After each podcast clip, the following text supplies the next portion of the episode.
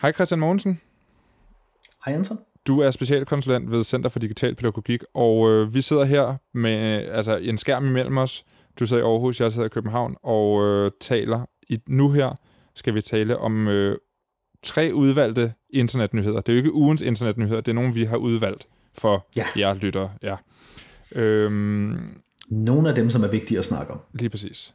Hvis man vil høre os tale om virtuelle rum og metavers, så kan man høre den episode, som udkom øh, torsdag aften, altså lige før denne her udkom.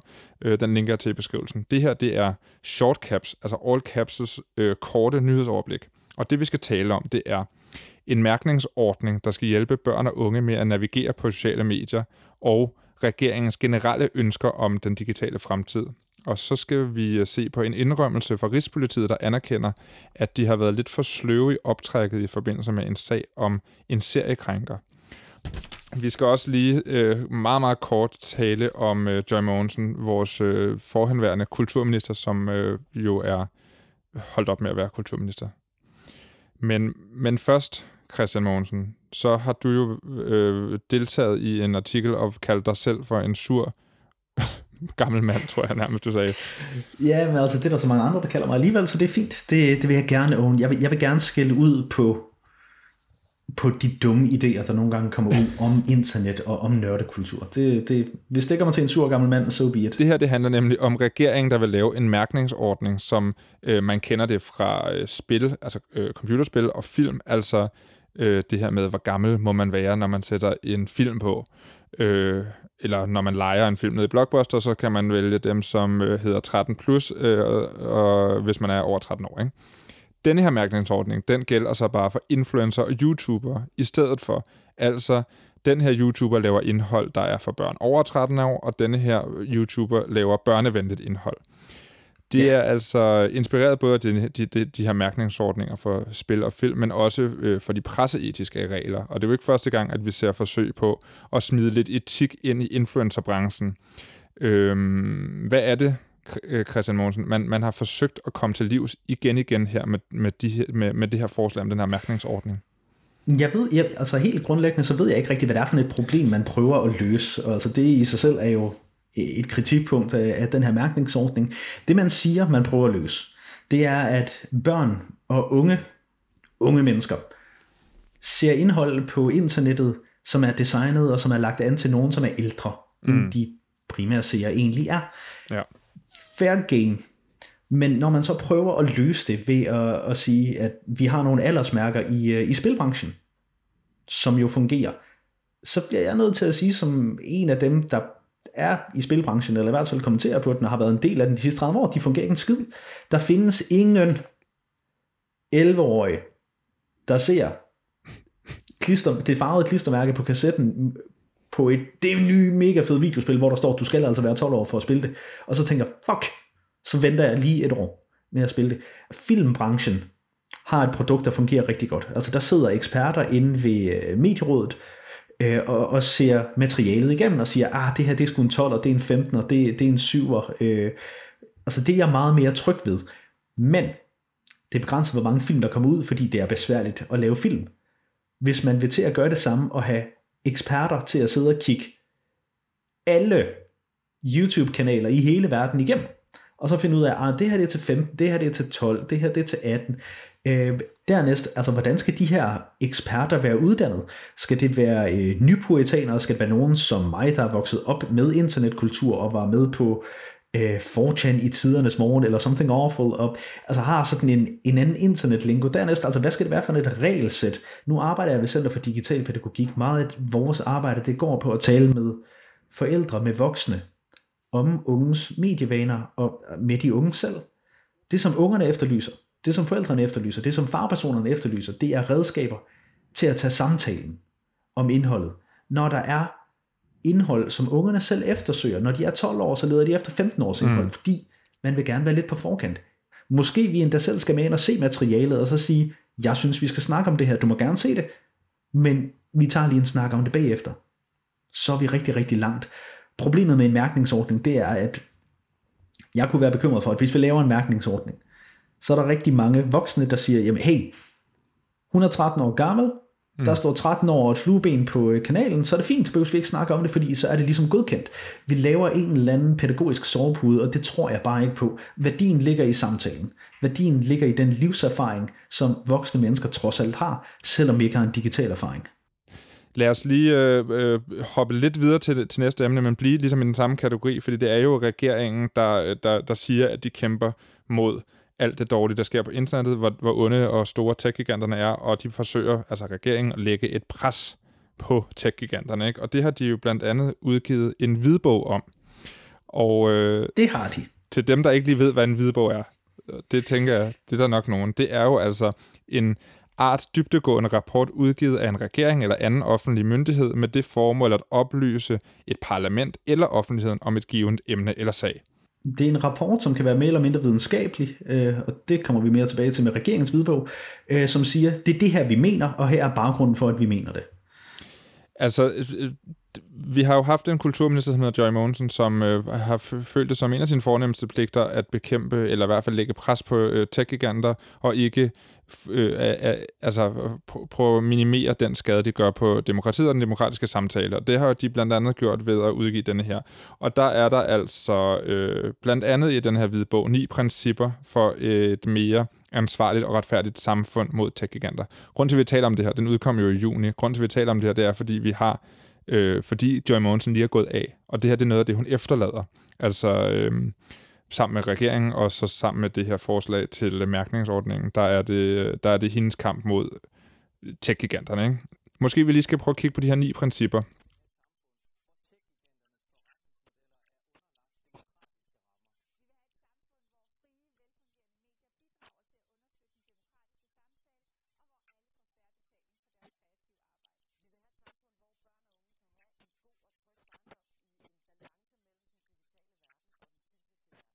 Vi vil have et samfund, hvor børn og unge kan have en tryg barndom i god balance mellem den digitale verden og den fysiske verden. Det er punkt to. Hvad betyder det? Jamen, det betyder jo ikke en skid. Altså, øh, undskyld mit franske. Øh, altså, jeg, jeg synes efterhånden, jeg er dygtig til at forstå og, og, og tale politikersprog, men, men det er jo tomt for indhold. Altså, det er jo... Det, det er jo ikke noget, du kan være uenig i. Altså, ja, selvfølgelig. Altså, men, men Christian, føler du, at du lever i, i, altså, i god balance mellem den digitale verden og den fysiske verden? Ja, øhm, og jeg synes, det kører fint.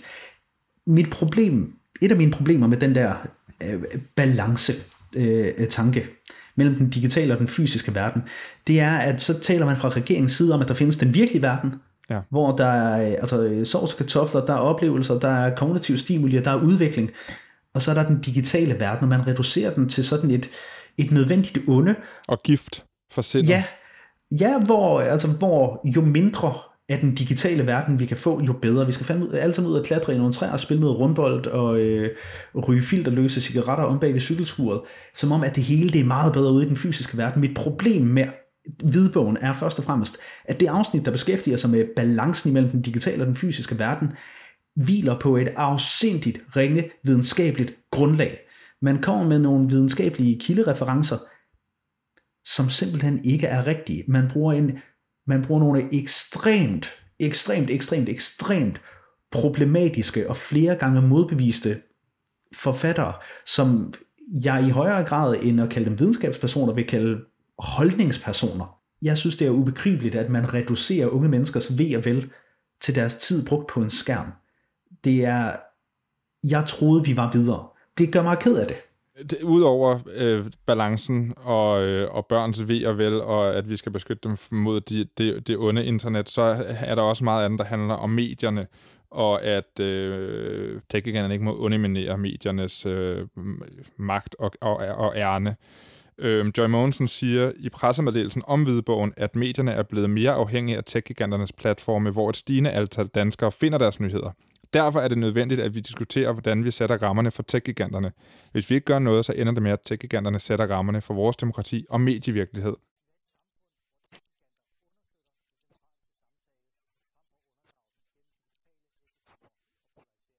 Lad os forestille os for eksempel en øh, statsminister, der i stedet for at gå ud og tale i medierne under en øh, global pandemi, udgiver øh, nyheder på, øh, på Facebook. Eller en kulturminister, der, når hun forlader sit embede, fortæller hele Danmark om det på sin Facebook-profil.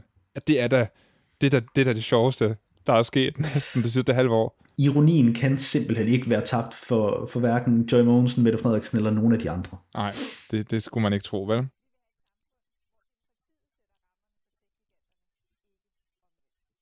Nu springer vi videre, og til allersidst her, så skal vi lige have en opfølgning på øh, sagen om øh, de 169 piger, som øh, er en, øh, en artikelserie, men er det, er, det, er det en podcastserie? Hvad er det egentlig, Christian? Du blev lidt i tvivl. Det er, det, det, det er både blevet udgivet af, som en podcastserie og en, ja. øh, og en artikelserie ved, ved DR, hvor øh, et par af de afsindigt dygtige graverjournalister der havde sat sig for at se, om man kunne finde et et mønster i en øh, række digitale overgreb og krænkelser, der var begået på unge piger øh, over en ret lang periode af den samme mand. Øh, mm. Og det, der, altså, det fandt de i den grad ud af, at mange af, at, at der var mere på den historie, end ellers var blevet fremlagt, at, øh, at en serieforbryder, at en seriekranker havde, havde nået ud til 169 piger, var egentlig ikke historien. Det, som graverjournalisterne fra DR fandt ud af, var, at langt over halvdelen af de overgreb kunne være undgået, fordi politiet kendte faktisk hans navn, hans bopælsadresse og hans telefonnummer, længe inden han blev anholdt. Men fordi noget byråkrati, noget med måltal, noget med kommunikation, noget med... Distrikter. Ja, distrikter, og hvordan den her slags sager efterforskes, hvordan der kommunikeres på tværs af distrikter om digitale forbrydelser, så fik den her øh, overgrebsmand lov til at blive ved med at begå de her overgreb i mere end et år efter, at man egentlig kunne være kørt ud og have haft en, en samtale eller en anholdelse af ham første gang. Og i det år intensiveres hans krænkelser. Han når at, øh, at voldtage, ikke digitalt, fysisk, øh, en ung øh, kvinde. Han når at afpresse og tilsvine og udskamme og i høj grad krænke en pige på 11. Pointen er, langt størstedelen af de her sager i historien om de 169 piger kunne være undgået. Og, den, og det aktuelle det er jo, at her den 16. august øh, har politiet så været ude og erkende øh, det, du sidder og siger her. Altså, politiet, havde, politiet burde have handlet hurtigere i sagen om digital seksuel afpresning. Øh, de, de fortæller, at øh, efterforskningen blev vanskeliggjort af, at gerningsmanden opererede på tværs af kredse, øh, distrikter, øh, brugt forskellige falske profiler på forskellige sociale medier, dog er det vurdering, at forskelligartet registrering af sagerne samt manglende dialog og koordinering internt i politiet medvirkede til, at gerningsmanden ikke blev identificeret tidligere. Jeg synes jo på en eller anden måde, at det er et tilbagevendende problem, eller det er noget, vi hører om som et tilbagevendende problem, at når forbrydelser sker online, jamen så øh, er, er det svært ligesom at få, få, få det løst. Ikke? Øh, det er svært for politiet at gøre noget, og det lyder som om på dem her, at de vil prøve at etablere i den her pressemeddelelse taler de om, at de vil etablere øh, digitale politipatruljer, som blandt andet vil patruljere synligt i åbne grupper på sociale medier øh, på internettet for at by, forebygge kriminalitet, som for eksempel digitale krænkelser. Hvad tænker du om den der mere sådan, øh, øh, forebyggende øh, indsats ved at have altså digitale politipatruljer?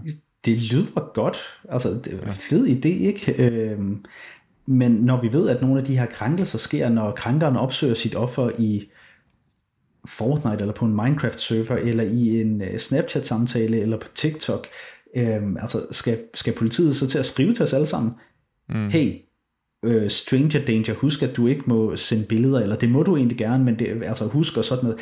Jeg ved ikke, hvordan det skal lade sig gøre, men det lyder rigtig, rigtig godt.